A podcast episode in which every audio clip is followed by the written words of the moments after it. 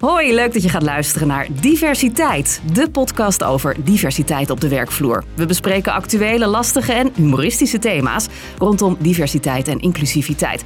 En we schuwen daarbij de scherpe randjes niet.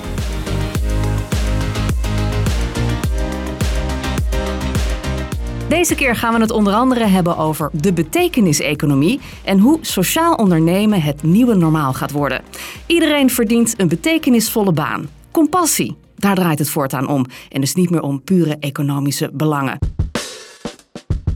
Mijn naam is Hannelore Zwitserloot en ik zit hier met Okko Leiding, Managing Director van Harvey Nash Nederland. En Renzo Durlo, oprichter van Green Fox Social Return. Die meepraten vanuit hun eigen bedrijf en hun eigen ervaringen. Hallo weer jongens. Goeiedag. Welkom heren. Ja. Dank je. Deze keer is onze gast Kees Klomp. Hij is lector betekeniseconomie bij kenniscentrum Business Innovation. Na een carrière als marketing- en communicatieadviseur richt hij zich inmiddels al ruim 15 jaar op de betekeniseconomie. Dat is een methode om bedrijven van betekenis te laten zijn en die bedrijven integrale waarde te laten creëren. Hij is initiator van vele initiatieven om de Nederlandse betekeniseconomie op de kaart te zetten, zoals Purpose People Practice. Dat is een netwerkorganisatie voor ondernemers die onder andere kansen creëren voor mensen met een afstand tot de arbeidsmarkt. En hij is een persoonlijke held van Renzo en daarom te gast in deze aflevering. Kees, welkom in de podcast Diversiteit. Allereerst, wat betekent diversiteit voor jou? Nou ja, echt alles. ja, dus kijk, uh, betekeniseconomie uh, maakt gebruik van een expliciet ecologische kijk op economie. en ecologie wordt toch wel eens gereduceerd tot systeembiologie. Maar eigenlijk is het een integrale, relationele kijk op alles. dus dat betekent dat je erkent ehm, dat alles continu in een wederzijds afhankelijke relatie met elkaar verkeert. Alles. Dus dat betekent dat, dat je ook jezelf en je sociale leven op die manier kunt bekijken. Dus het is niet alleen dat je naar de natuur kijkt en zegt: oh ja, al die soorten die hebben een relatie met elkaar. En overal in de wereld heb je ecosystemen waarin uh, soorten functioneren. Nee, het is ook als je gaat kijken naar een bedrijf, dan kun je een bedrijf zien als een ding. Maar als je het relationeel bekijkt, dan zie je dat een bedrijf eigenlijk alleen maar bestaat bij gratie van al die relaties die ervoor zorgen dat het bedrijf er kan zijn. Of het nou gaat over de mensen die er werken, de supply chains, uh, de geldstroom. Het is één groot inter zijn. En dat geldt eigenlijk ook voor ons als individuen. Hè, wij zijn ook, het is, als, we ons, als ik jullie zo zie, dan kost het me geen enkele moeite om hier drie individuen te zien uh, die verschillend zijn van elkaar. Maar het kost mij ook al geen enkele moeite meer om te zien dat jullie eigenlijk continu met op allerlei verschillende manieren met elkaar verweven en verbonden zijn. En dat wij een samenstel zijn van um, ideeën en normen en waarden die ons hebben gevormd. Um, moleculen, uh, weet je, alles, alles is, een, is, er, is er eigenlijk relationeel. Ja, nee, dat snap ik, hè? maar toch als ik naar ons groepje kijk, denk ik niet meteen aan diversiteit. nee, nee, nee, maar... een vrouw, hè? Ja, ja. Het is je niet, maar bij ja, deze. Ik ben dan een vrouw, maar voor de rest, ja, ja witte mannen. Ja, ja, maar goed, kijk, diversiteit heeft vele verschillende gedaanten. En we hebben het volgens mij vandaag vooral over de sociale gedaante. En dan heb je het inderdaad over sociale inclusie. Heel erg belangrijk. Maar ook in de, ook in de natuur is uh, diversiteit is eigenlijk de, de bron voor vitaliteit en veerkracht. Dus hoe biodiverser, hoe vitaler uh, een omgeving is. Dus hoe meer soortenrijkdom, hoe beter het is voor de weerstand en de weerbaarheid van, uh, van systemen. Dus we kunnen we hebben, ik tenminste, ik, misschien jongens zit ik ernaast, maar ik vind -hmm. dat heel veel van de discussie, sociale discussie over inclusie en diversiteit, een morele discussie is. We zouden het zo moeten doen. -hmm. uh, zouden we niet, hè, zou het niet de norm moeten zijn dat we uh, meer veelkleurigheid, et cetera. Uh, ik denk dat we het nog veel basaler moeten bekijken. Het is gewoon de basis, de natuurlijke basis. Het leven toont ons al meerdere miljarden jaren dat diversiteit een bron van vitaliteit en veerkracht is. Dus even los van wat wij er als mensen van vinden, moreel, is het gewoon uh, natuurlijk gezien de meest succesvolle, uh, het meest succesvolle recept om organisaties te Kan je daar een voorbeeld van geven, Kees? Een, een voorbeeld van een hele diverse organisatie en hoe uitzicht dat dan met een minder diverse organisatie? Nou ja, kijk, als we bijvoorbeeld de Grayston Bakery ja. nemen, mijn, uh, mijn allerfavorietste bedrijf ter wereld, is een bakkerij die in de jaren tachtig zijn begonnen met het werken met mensen die niemand anders wilde hebben. Het, het maatschappelijke afval zou je kunnen zeggen, mensen met verslaving, mensen met uh, behuizingsproblemen, allemaal mensen die ja, nergens anders aan de bak kwamen. Ehm, en zij hebben een plek gecreëerd uh, waar ze besloten om alleen maar met uh, die uh, mensen te gaan, te gaan werken. En dat is, ja, dat is ehm, ja, je zou bijna kunnen zeggen, profetisch geworden. Hè? Dat, dat bedrijf bestaat niet alleen.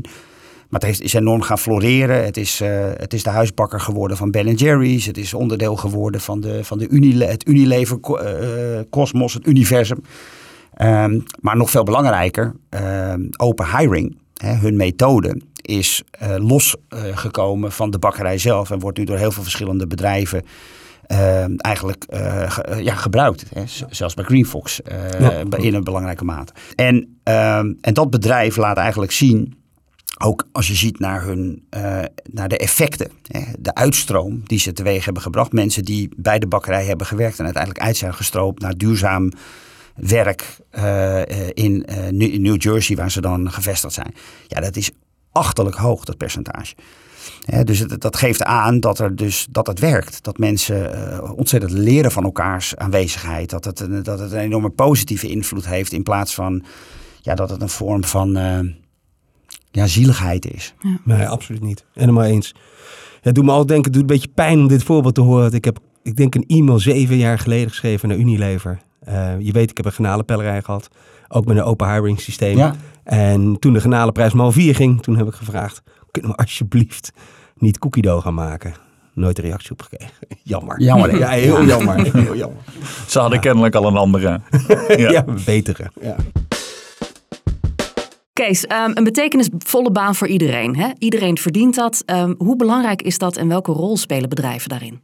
Nou, kijk, werk is volgens mij alles bepalend. Letterlijk alles bepalend. En het wordt in deze samenleving uh, die, die, het economische systeem, die, wat ontzettend op nutsmaximalisatie is gereduceerd. Het is natuurlijk een enorm belangrijke basis voor het neoclassieke economische model wat we hebben omarmd hier.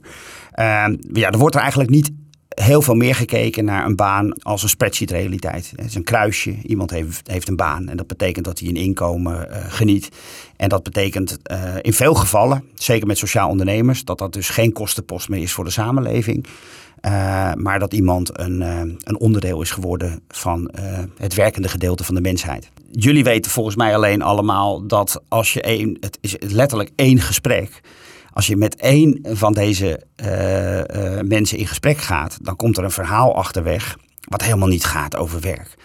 Maar over aanzien, over status, over trots over voorbij de schaamte, over het gevoel hebben weer een onderdeel te zijn uh, van, de, van de samenleving. Het is allemaal hele emotionele zaken. Ja, basale zaken. Basale zaken, ja. precies. Ja, dus, dus werk is niet alleen maar een bron van inkomen, waarmee je onderdeel kunt worden van onze samenleving en je spullen kunt consumeren. Uh, al wordt er door een belangrijk gedeelte van onze zeer geachte bestuurders in Den Haag wel zo gedacht over mensen. Hè? We meten namelijk alles in bruto binnenlands product. En dan betekent het gewoon een baan is gewoon ja, geld in je portemonnee waarmee je mee kan doen aan de economie. Um, maar als je, als je dat loslaat, dan zie je dat het om mensen gaat. En wat blijkt nou? Veel onderzoek naar gedaan. Hè? De materiële behoeften van mensen, hè? dus dat, dat zijn de behoeften die je met geld kunt oplossen. Die zijn tamelijk klein vergeleken met de emotionele, sociale en vooral spirituele uh, behoeften die mensen hebben. En dat zijn allemaal zaken die werk indirect kunnen veroorzaken. Een, een baan is niet alleen maar geld. Een baan is een sociaal leven, is een plek waar je mensen ontmoet. Het is emotioneel. Je, je, je, je, je hebt er plezier in, je kunt je passie erin kwijt. En misschien wel het allerbelangrijkste, en dat is waarom ik de term betekenisvol gebruik, is het ook een plek waar je jezelf kunt ontwikkelen en realiseren. Want ieder mens heeft evenveel potentie. Alleen het uitzicht bij iedereen op een andere manier. En werk is bij uitstek een plek om dat bij jezelf te ontdekken. Waar ben ik goed in? Waar word ik gelukkig van? Hoe kan ik mijn passie, mijn kunde, mijn kennis inzetten voor, voor andere mensen? En, uh, en ik denk dat we werk op die manier moeten gaan beschouwen. In plaats van alleen maar die ja, koude, kille uh, berekening van uh, dit is iemand die is nu onderdeel van het, uh, de, ja, het, het korps der werkenden. Ja, ja. en dat betekent dat hij Zoveel of zij... primaire levensbehoeften die je vervult met werk. Ja, joh, werk is, is... Veiligheid, alles. Alles. Ja, ja. En er is, ook, er is ook heel veel wetenschappelijk over geschreven, hè, jongens. Het is geen... geen nee, daar geen ben jij medium. hier. Dat, is, dat nee, lezen maar, wij niet zoveel. Dus. Nee, maar er is heel veel... Er is ongelooflijk veel geschreven en gepubliceerd over het nut van werk. En dan niet alleen maar het financiële nut, maar vooral het emotionele, sociale ja. en spirituele nut van werk. Als je, je noemde net het bruto nationaal product en ja. dat zou niet het enige moeten zijn. Ik las laatst ergens dat we ook bruto nationaal geluk meten. Als je dan op de, op de nou, Nederlands schaal, dus nog niet wereldschaal, maar in ieder geval, we zijn het bedrijf ontsteugen en we zijn ja. nu op Nederlandse schaal aan het kijken. Denk je dat dat helpt? Ja, dat zou enorm helpen als we het goed zouden meten. dus, um, want dat, dat lijkt een open deur, maar dat is het niet. Hè? Dus we meten in Nederland uh, uh, ook geluk, werknemersgeluk, et cetera. Ja. En, en het is misschien jullie ook wel eens opgevallen dat Nederland enorm hoog scoort Ja. op geluk. Uh, en dat heeft heel erg veel ook te maken met de manier waarop wij geluk definiëren en percipiëren. Hè? Dus heel veel geluksonderzoek uh, vraagt mensen naar uh, de manier waarop ze hun leven waarderen en percipiëren. En omdat wij natuurlijk in een enorm welvarend land leven, is, uh, is zonder een, een, een, een, ja, een nadere duiding over wat geluk is, is de belangrijkste perceptie die mensen dus hebben vooral welvaartsgeluk. Dus materieel geluk. Ja, en dan is het natuurlijk niet raar dat in een materieel welvarend land als Nederland geluk uh, alom aanwezig is. Ja. Ik vraag mij altijd alleen wel af als ik die cijfers zie, hè, waarin wij uh, in Nederland tot de top 4, 5 van de wereld horen. Of uh, bij die steekproef dan toevallig die jongeren die tegelijkertijd allemaal aan de antidepressiva zijn geraakt, omdat ze ongelooflijke mentale problemen hebben en druk ervaren, toevallig niet bij deze steekproef aanwezig waren. Of de mensen die, die grotere, gro die continu groeiende groep van mensen die bij de voedselbank in de rij staan. Ja, die waren blijkbaar ook toevallig niet uitgenodigd voor dit uh, onderzoek. Ja. He, dus ik vind, ik vind dit soort onderzoek uh, wel echt iets wat we met een korrel zout moeten nemen. Want er zijn nogal wat indicatoren dat we helemaal niet zo gelukkig zijn in Nederland. En, en het is een meting ten opzichte van andere landen. Um, uh, misschien is het daar nog wel slechter geregeld of, of gedaan. Nou ja, kijk, de, het, het, het, kijk wij, wij meten in Nederland ondertussen brede welvaart. En dat woord zegt het al. Hè? Dus we kunnen eigenlijk geen afstand nemen van dat woord welvaart. Ja. Het, en dat is wezenlijk anders dan bijvoorbeeld de, het bruto nationale welzijn. Wat ze in Nieuw-Zeeland meten en in IJsland meten. Want dat zijn landen waarin ze bruto binnenlands product formeel los hebben gelaten. Als de belangrijkste indicator van de, het, ja, het welbevinden van de natie. Ja. He, dus wij gebruiken in Nederland nog steeds is het zo dat als de economie groeit, is de aanname dat het goed gaat met Nederland. Stel dat we dat zouden doen, um, denk je dan dat die miljoen mensen die nu langs de zijkant staan, uh, um, makkelijker de maatschappij inkomen? Uh, absoluut. Nou, er is wel meer voor nodig. Dan moeten we ook uh, de belasting op arbeid significant gaan verlagen. Ja, want dan betekent het dat ook de werkgevers een incentive krijgen om meer mensen aan uh, te nemen. Ja, maar en hoe gaan we dit regelen? Want als ik jou zo hoor, is de overheid af. ja. die, uh, die mogen niet meer. En is het toch vooral aan de bedrijven dan om die verandering te bewerkstelligen? Ja, maar, de, maar was het nou zo eenvoudig dat we konden zeggen de overheid is af? Want werkgevers hebben namelijk te maken met allerlei wet en regelgeving die door overheden. En ja, ik denk, uh, Renzo, dat jij dat kunt beamen. Je wordt in Nederland bijna gestraft om mensen met afstand tot de arbeidsmarkt in dienst te nemen. Het wordt wel moeilijk, ja. Het is extreem ingewikkeld geworden om, uh, om mensen uh, in, uh, in, in dienst te nemen. En dat is, ja, dat is waanzinnig contraproductief. En dan helpt ook het belastingssysteem niet, waarin, waarin arbeid extreem zwaar belast wordt, wat ook Ja. nergens op slaat. En ook meer werken. Dus als je, hè, als je bijvoorbeeld van twee naar drie dagen gaat, of van drie naar vier, dat het procentueel veel zwaarder drukt. Dus die ene euro die je wel verdient, daar krijg je, hou je veel minder van over. Nee, we hebben een aantal systeemfouten in het huidige economische systeem. Hè, de, de, het, feit dat bedrijven die de kantjes ervan af uh, lopen, die eigenlijk uh, maatschappelijk gezien een enorme schade veroorzaken, vaak de bedrijven zijn die economisch gezien het meest renderend zijn. Die, maken, die verdienen het meest voor bruto binnenlands product. Dat is natuurlijk een ridicule misvatting. Maar het is nu eenmaal zo. Hè. Sociaal ondernemers uh, kiezen ervoor om hun kosten te verhogen. uit eigen wil. Dat is wat sociaal ondernemen is. Het, het, maximaliseren van je kosten. Want met die kosten kun je dingen doen die maatschappelijk gezien relevant zijn. Dat is natuurlijk een, daar is de wereld op zijn kop. Alleen ja, daar hebben de naar, van. Kees, als we kijken naar bijvoorbeeld de uh, diversiteit op de werkvloer. Uh, wat de, nou eigenlijk het bruto nationaal product niet meet, maar dat we het hebben over werkgeluk en dat soort zaken. Zijn er onderzoeken geweest die dat hebben meegenomen? Dus diversiteit ten opzichte van niet-diverse bedrijven? Nou ja, kijk, het, het, het, punt is dat ons huidige economische systeem, dat is een tweede grote systeemfout, eigenlijk alleen maar in staat is om uh, prijs te waarderen. Dus we hebben een systeem gecreëerd waarin alleen prijs telt. Dus even heel plat gezegd, wij kunnen eigenlijk alleen maar werken met geld. Uh, als ruilmiddel en dus ook als manier om een bedrijf te waarderen. Dus een bedrijf zoals GreenFox is, hoe je het ook went of keert, uiteindelijk de waarde die op die laatste pagina van het financiële jaarverslag staat, dat is de balans. Ja. Daar staat de waarde van een bedrijf. Jij en ik weten dat dat bedrijf vele en vele malen groter is uh, dan die waarde. Alleen tot op de dag van vandaag hebben we niks gevonden met elkaar, of in ieder geval niet geaccepteerd Waardoor we ze kunnen zeggen van ja, maar ja, luister, dat is de financiële waarde van het bedrijf. Maar de werkelijke waarde van Greenfox is natuurlijk vele malen groter. En zelfs die, als, die er, eh, als ze die gaan meten, dan zit je vaak op besparen van uitkeringen en andere. En dan gaan we weer terug naar euro's. Precies, dus, en, en daar zit dus de, het punt. Dus dit, soort, dit, dit soort onderzoek kun je eigenlijk, heeft geen enkele waarde omdat, de, omdat we de waarde die er ontstaat weer alleen maar kunnen materialiseren om hem te kunnen meten. Ik heb, ik heb laatst nog mijn studenten de straat op gestuurd om een halfje volkoren te proberen te kopen met biodiversiteit. Ja, dat lukt natuurlijk niet. Hoe, hoe zag dat eruit? Nou, dan gaan, ze de, dan gaan ze de stad in en dan moeten ze van mij bij een bakker uh, of bij de supermarkt uh, proberen te betalen met biodiversiteit. En wat dat oplevert is een dialoog. Dus ze, ze, ze moeten in gesprek. En wat blijkt dan? Dat, dat uh, ja, bijna iedereen komt, komt terug met een super geanimeerd gesprek over waarden. Ze hebben dan iemand in de rij gesproken of de bakker. En dan is het binnen een paar minuten is iedereen het erover eens dat biodiversiteit een enorme waarde vertegenwoordigt. En hoe gek het toch is dat we het met elkaar herkennen. Dat het van een ja, bijna immense uh, uh, maatschappelijke waarde is, maar we er niets mee kunnen.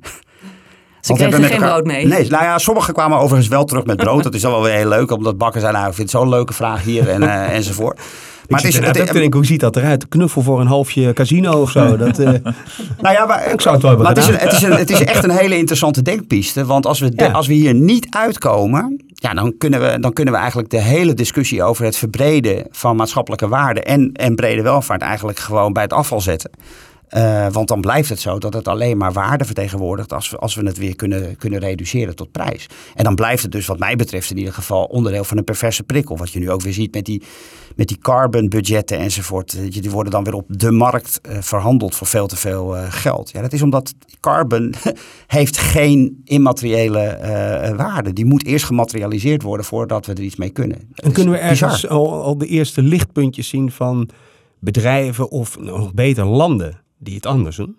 Jazeker, hè? dus we hebben die vijf We-Go-landen, de Wellbeing Governments, IJsland, Finland, Nieuw-Zeeland, Wales, Schotland en binnenkort komt Costa Rica er ook bij. Dat zijn zes landen dan. En dat zijn landen die dus bruto binnenlands product formeel hebben losgelaten en plaats hebben laten maken voor bruto nationaal welzijn. Dat betekent heel simpel gezegd dat ze niet langer op basis van één criterium werken, namelijk bruto binnenlands product als indicator van de gezondheid van een land, maar met 60 afgewogen uh, criteria.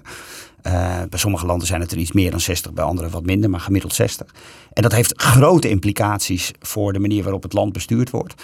Ja, en het, en het, uh, het gaat goed met sociaal ondernemen. Hè. Sociaal ondernemen zit in de, zit in de lift, belangrijke indicator, indicator.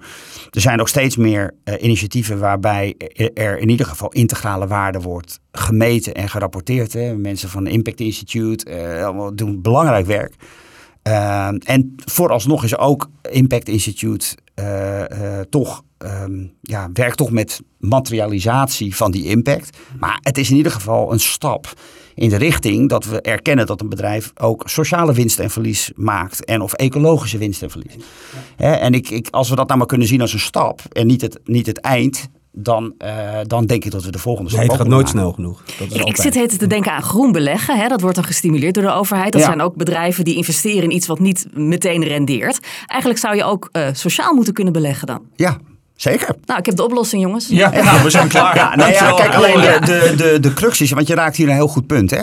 Ehm, want het punt is namelijk niet dat je er niet in kunt beleggen. Maar de belegger moet dan ook uh, akkoord gaan met niet-materiële waarden. dus als jij een euro inlegt en je gaat uh, akkoord met het feit dat je ook een euro terugkrijgt, alleen vervolgens met sociale winst, dus dat je daadwerkelijk hebt bijgedragen aan het levensgeluk van een ander, dan kun je dit morgen, uh, kun je dit morgen introduceren met veel succes. Het probleem is alleen dat het zo niet werkt. Want mensen willen namelijk altijd een financieel rendement. En dat betekent dus weer dat je onderdeel moet gaan worden van het bestaande systeem en ergens groei zult moeten realiseren. En groei betekent dat je ergens schuld moet creëren. En dus weer dat er iemand anders altijd beter moet worden over de rug van een ander. Dat is een, een inherent onderdeel van dat systeem. Rens had het net over lichtpuntjes. Ik sprak uh, een tijd geleden met bedrijven als uh, O1 Founders en School of Code. Die leveren opleidingen, IT-opleidingen voor mensen met een achterstand. Um, um, andere bedrijven doneren geld aan dat bedrijf. Ik vond dat uh, vanuit mijn positie heel wonderlijk. Hè. We, we, gaan geld doneren, dat, dat doen we als bedrijven niet. Hè. We kopen iets, uh, uh, dat is toch anders? Ja, of je investeert in iets. Ja. Maar is dat een voorbeeld van een, een, een ontwikkeling die je ziet waarbij mensen dus een ander oogmerk hebben dan puur hun winst. Want ze staan een stukje van hun eigen winst zeker, af. Zeker, dus dit is leuk. En, en, en ook uh, het hele fenomeen impact investeren is enorm in opkomst. En impact investeerders zijn over het algemeen mensen die genoegen nemen met in ieder geval een minimaal financieel rendement. Hè. Dus er is wel wat rendement. Dat is alleen niet vergelijkbaar met het rendement wat mensen in conventionele uh, fondsen uh, nastreven. en dat is enorm in opkomst ook. Dus dat is zeker ook een, een, een lichtpuntje. Zeker. Ja, dus, er zijn deze, dus het barst van de lichtpuntjes, gelukkig wel. Ah, gelukkig. nou, ben jij een, nou ben je een persoonlijke held van Renzo. Ik begrijp dat is wederzijds. Ja. oh, wederzijds. Vertel, Renzo, hoe komt het dat hij een persoonlijke held is? Nou ja, dat komt eigenlijk uh, door een van mijn uh, uh, tekortkomingen. Dat zijn vier middelbare scholen, nooit eentje afgerond. En dan denk ik, hè, het is toch jammer dat er nooit een leraar voor de klas heeft gestaan zoals Kees. Waar ik echt wel uren naar kon luisteren. Dus het lag niet zozeer misschien alleen maar aan mij. Het lag misschien ook aan anderen. En Kees het gaat bijna altijd om een persoonlijke motivatie. Hè? Dat is ook vaak jouw, jouw onderzoek naar waarom een sociaal ondernemer een sociaal ondernemer wordt. Je hebt het nog een paar niveaus hoger gedrukt. Je, je bent lector. Wat is jouw persoonlijke drijfveer om met zoveel passie dit onderwerp over de bühne te krijgen? Nou, ik heb er ik heb twee van dat soort momenten. Dus het eh, eerste was heel, eigenlijk vroeg in mijn leven. Dus ik, ik, ik kan mij namelijk nog herinneren dat er op televisie uh, voor de eerste keer in ieder geval in, in, voor in mijn bewustzijn uh, kinderen doodgingen op het scherm. En dat was met de Biafra-kinderen in uh, de Laars van Afrika. Weet je nog wel? Met live heet die tijd. En ik weet nog heel goed dat dat een enorme indruk op mij maakte. Dus ik, ik kan me herinneren, ik kom uit een middenstandsgezin. Mijn vader en moeder hadden een winkel. Dus wij hadden het oké, weet je wel. We waren niet rijk, maar we waren ook niet arm. Dus, en we zaten s'avonds te eten. Mijn vader kwam dan terug uit de winkel. En ik kan me nog herinneren dat de televisie aanstond. En tot die verschrikkelijke beelden er waren met die, met die, met die, met die kindertjes met die, met die dikke buikjes, weet je wel, van de honger. Uh, en ik weet nog dat ik mijn eten gewoon letterlijk niet kon opeten. Ik was fysiek gewoon repulsed. Weet je, was de weerste in tegen dat beeld. En tot mijn ouders tegen mij zeiden, van mijn moeder zei van Kees, eet je eten nou op joh. Want uh, ik begrijp dat dit verschrikkelijk is, maar ja, wij kunnen hier niks aan doen. Zo werkt de wereld nou eh, eenmaal. En ik weet me nog heel goed herinneren dat ik dan op zaterdag ging ik naar mijn opa. En mijn opa was een havenarbeider uit de Muiden. Een, een hardliner, een communist, een socialist. Uh, en mijn opa had heel andere teksten. Die zei van het is geweldig, het is goed dat jij niet kunt eten vriend. Dat is, dit is precies wat er moet gebeuren. Dat, op het moment dat we accepteren dat dit, dat dit kan en mag, dan gaat het helemaal verkeerd in de wereld. Dus mijn opa moedigde me eigenlijk enorm aan om, da, om dat, ja, dat, die pijn te voelen. Dus eigenlijk ben ik al zo, zo nou ja, ik, meen, ik meen dat zo rond mijn tiende jaar is de, is de mensactivist in mij uh, uh, ja, ontwaakt, zou je kunnen zeggen. En ik ben politicologie gaan studeren en ik ben, ik ben later in een punkband gaan, uh, gaan spelen. Allemaal heel erg op mens-issues. Ehm, en ehm, nou, ik ben vader van drie kinderen. En mijn vrouw en ik kregen onze dochters in onze twenties. Dus het zijn ondertussen volwassen meiden. Uh, en uh, negen jaar geleden had het universum nog een soort geintje in, uh, in, in petto voor ons. Want we, wij werden opeens weer ouders. Oh. van een, een, een, mannetje dit keer. en ja, hij, is, hij heeft de milieuactivist in mij, of de klimaatactivist in mij ontwaakt. Want um, ik ben mij heel erg bewust van wat er aan de hand is in de wereld. Omdat ik veel contact heb met klimaatwetenschappers en ecologen. En ja, hij vertegenwoordigt eigenlijk voor mij die generatie van kinderen.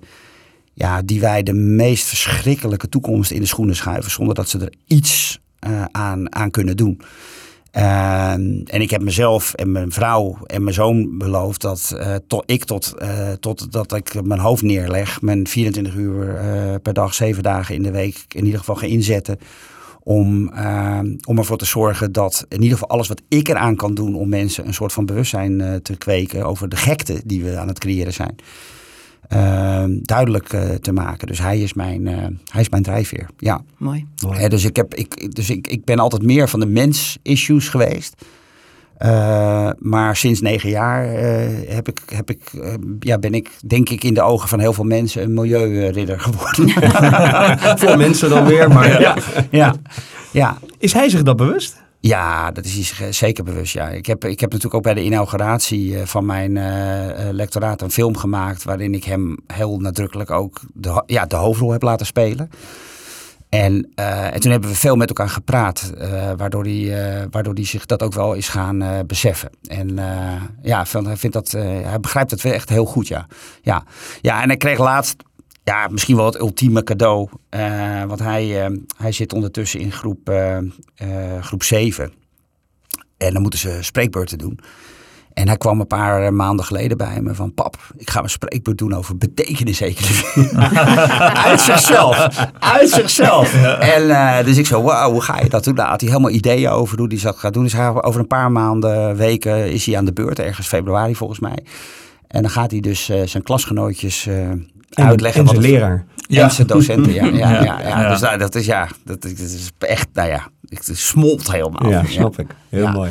Ja, nee, maar persoon, de, de, kijk, die, die persoonlijke drijfveer, daarvan wordt vaak gedacht en gedaan dat dat een uh, soort van motie van wantrouwen is, een, een zwaktebod.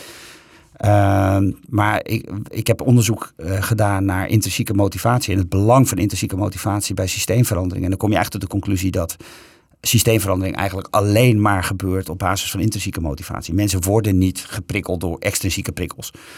Uh, uh, het nee, moet uit jezelf komen. Dus ja, want hoe gaan we daarvoor zorgen dat meer mensen die prikkel krijgen? Nou ja, kijk, wat we weten is dat je mensen niet. Ik kan niemand intrinsiek motiveren. Dat, doe, dat is namelijk wow. de, de kern. De, nee, dat is heel bescheiden. Nee, maar de crux van intrinsieke motivatie is dat het uit jezelf komt. Je hebt er één. nee, maar het komt. Jouw intrinsieke motivatie is, komt helemaal uit jezelf. Alleen wat we, wat we wel kunnen vormen, zijn de prikkels waardoor mensen zich bewust worden van het feit dat het uit hunzelf moet komen. En dat tegenwoordig eh, hebben ze ook in het onderwijs een term voor, dat wordt subjectificatie genoemd.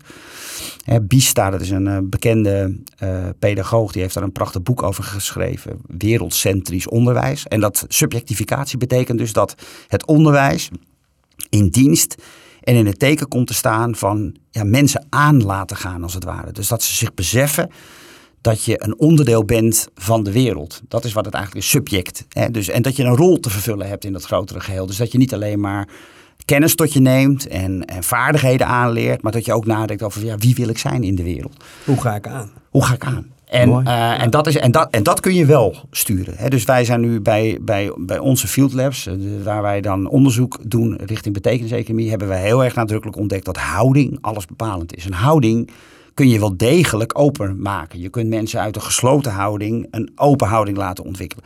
En een open houding is de basis voor bewustwording. En bewustwording is weer de basis voor uh, geëngageerd gedrag. Oké, okay, komt het dan neer op we moeten meer en beter communiceren naar de doelgroepen? communicatie is een heel belangrijk uh, onderdeel.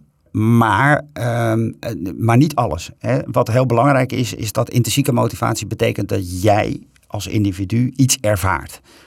En communicatie is een manier om iets te ervaren. Maar um, immersie is het ware dat je opgaat in een bepaalde situatie is een veel krachtiger manier om dingen te ervaren. dus als ik het even heel erg uh, plat sla, dat noemen ze etnografisch onderzoek.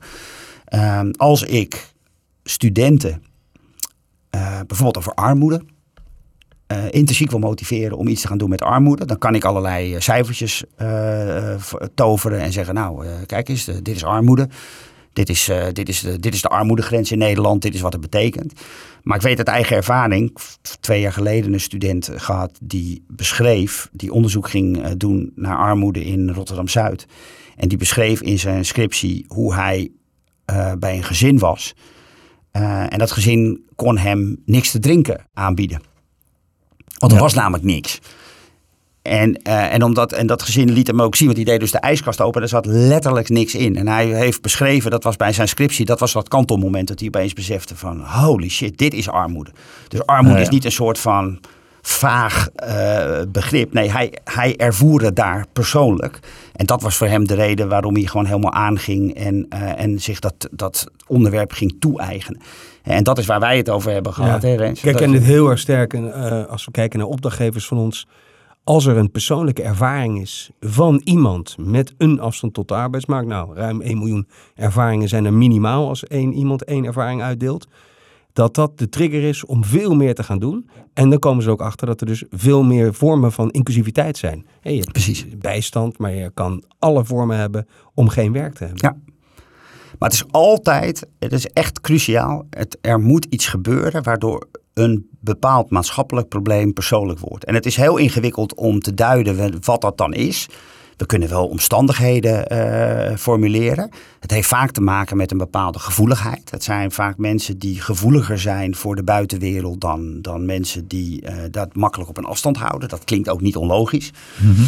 uh, maar het, wat we wel zien is dat uh, pas als dat, nou ja, hè, als je geraakt wordt en geroepen wordt, hè, dat is van heel belangrijk. Uh, dat, is, dat is ook wat purpose is. Betekenis gaat over dat je je geroepen voelt. Het is niet langer armoede, maar jij besluit ervoor, want het is een keuze. Het is vanaf vandaag mijn armoede. Ik ga mij hier aan wijden. Ik ga mij hierop storten. Ik ga hier wat aan uh, doen. Dus daar zit die intrinsieke motivatie heeft heel erg veel te maken met het feit dat mensen bewust, gekozen, iets internaliseren. He, dus het, het, het, je trekt het letterlijk naar binnen. Kees, ik zag een, een interview uh, waarbij jij Willem Verwer daar interviewde voorbij komen. Yes. De eerste regel sprak mij enorm aan. Uh, we kijken voornamelijk naar diversiteit vanuit een andere ooghoek dan dat we het er vandaag over gehad hebben. De eerste regel was diversiteit betekent minder risico's en meer veerkracht. Een verdienmodel voor mens en natuur. Ja.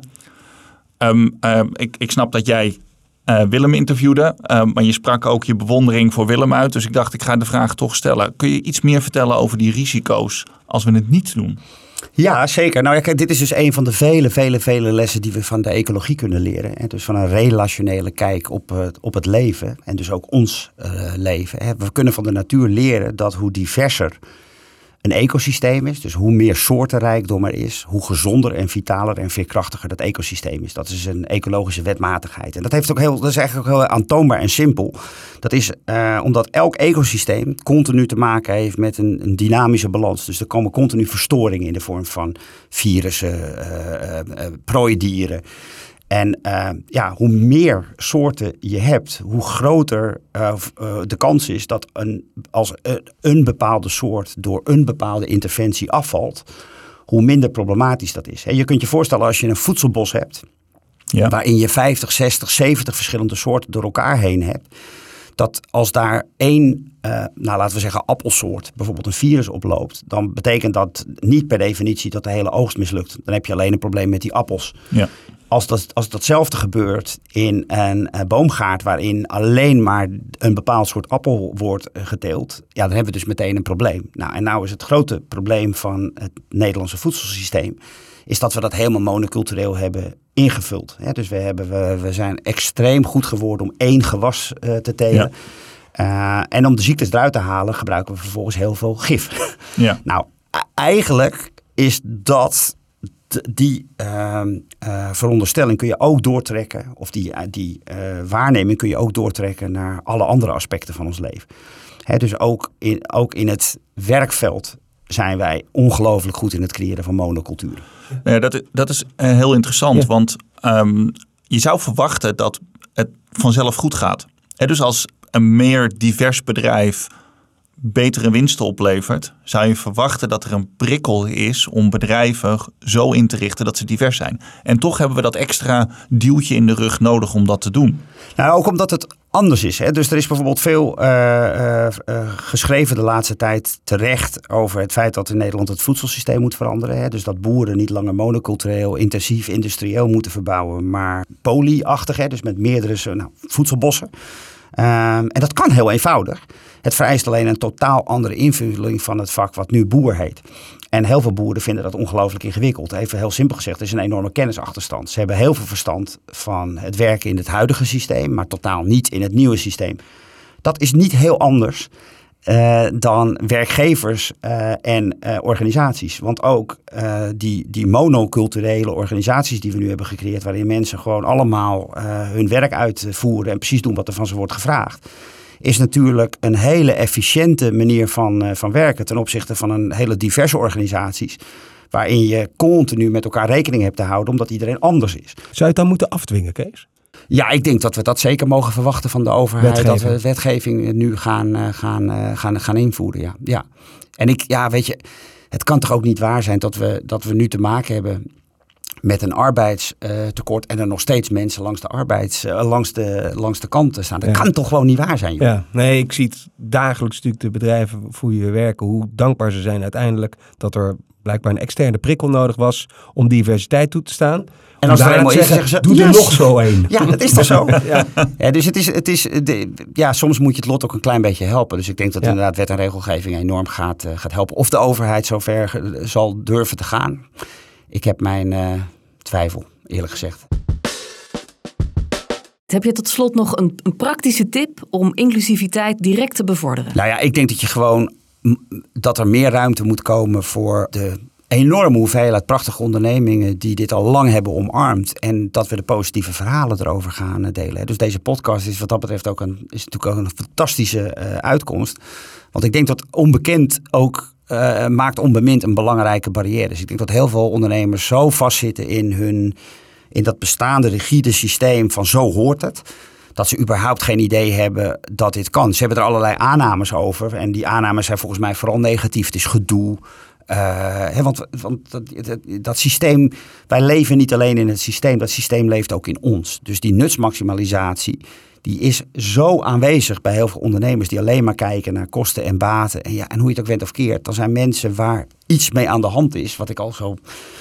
Ja. Eh, heb ik moeite mee met die term. Uh, en tegelijkertijd is dat wel wat het is in het huidige economische systeem. En ze hebben dus een enorme baat. Ja, dus dat moeten we gewoon, ja, dat moeten we beter uit gaan, gaan leggen. Dus ik denk gewoon veel en veel meer verhalen erover vertellen dan de positieve verhalen. Dan zie je dat mensen dat bedrijven leuker zijn geworden. Vitaler, veerkrachtiger, succesvoller. Ja. Want dat is ook nog eens een keer. Dat is eh, precies wat wij de komende weken gaan doen in deze podcast. absoluut. Dat is het plan. Kees Klomp, bedankt voor dit gesprek. En uh, Okko en Renzo natuurlijk ook weer bedankt. En jij bedankt voor het luisteren. En graag tot een volgende aflevering van Diversiteit. En dan hebben we als gast Dacon-eigenaar Jos Slootstra. Volg Harvey Nash en Green Fox via de socials en volg onze podcast Diversiteit via de website, zodat je niks hoeft te missen. En die website is diversiteit.com en dan schrijf je tijd met een lange ei en een dirk.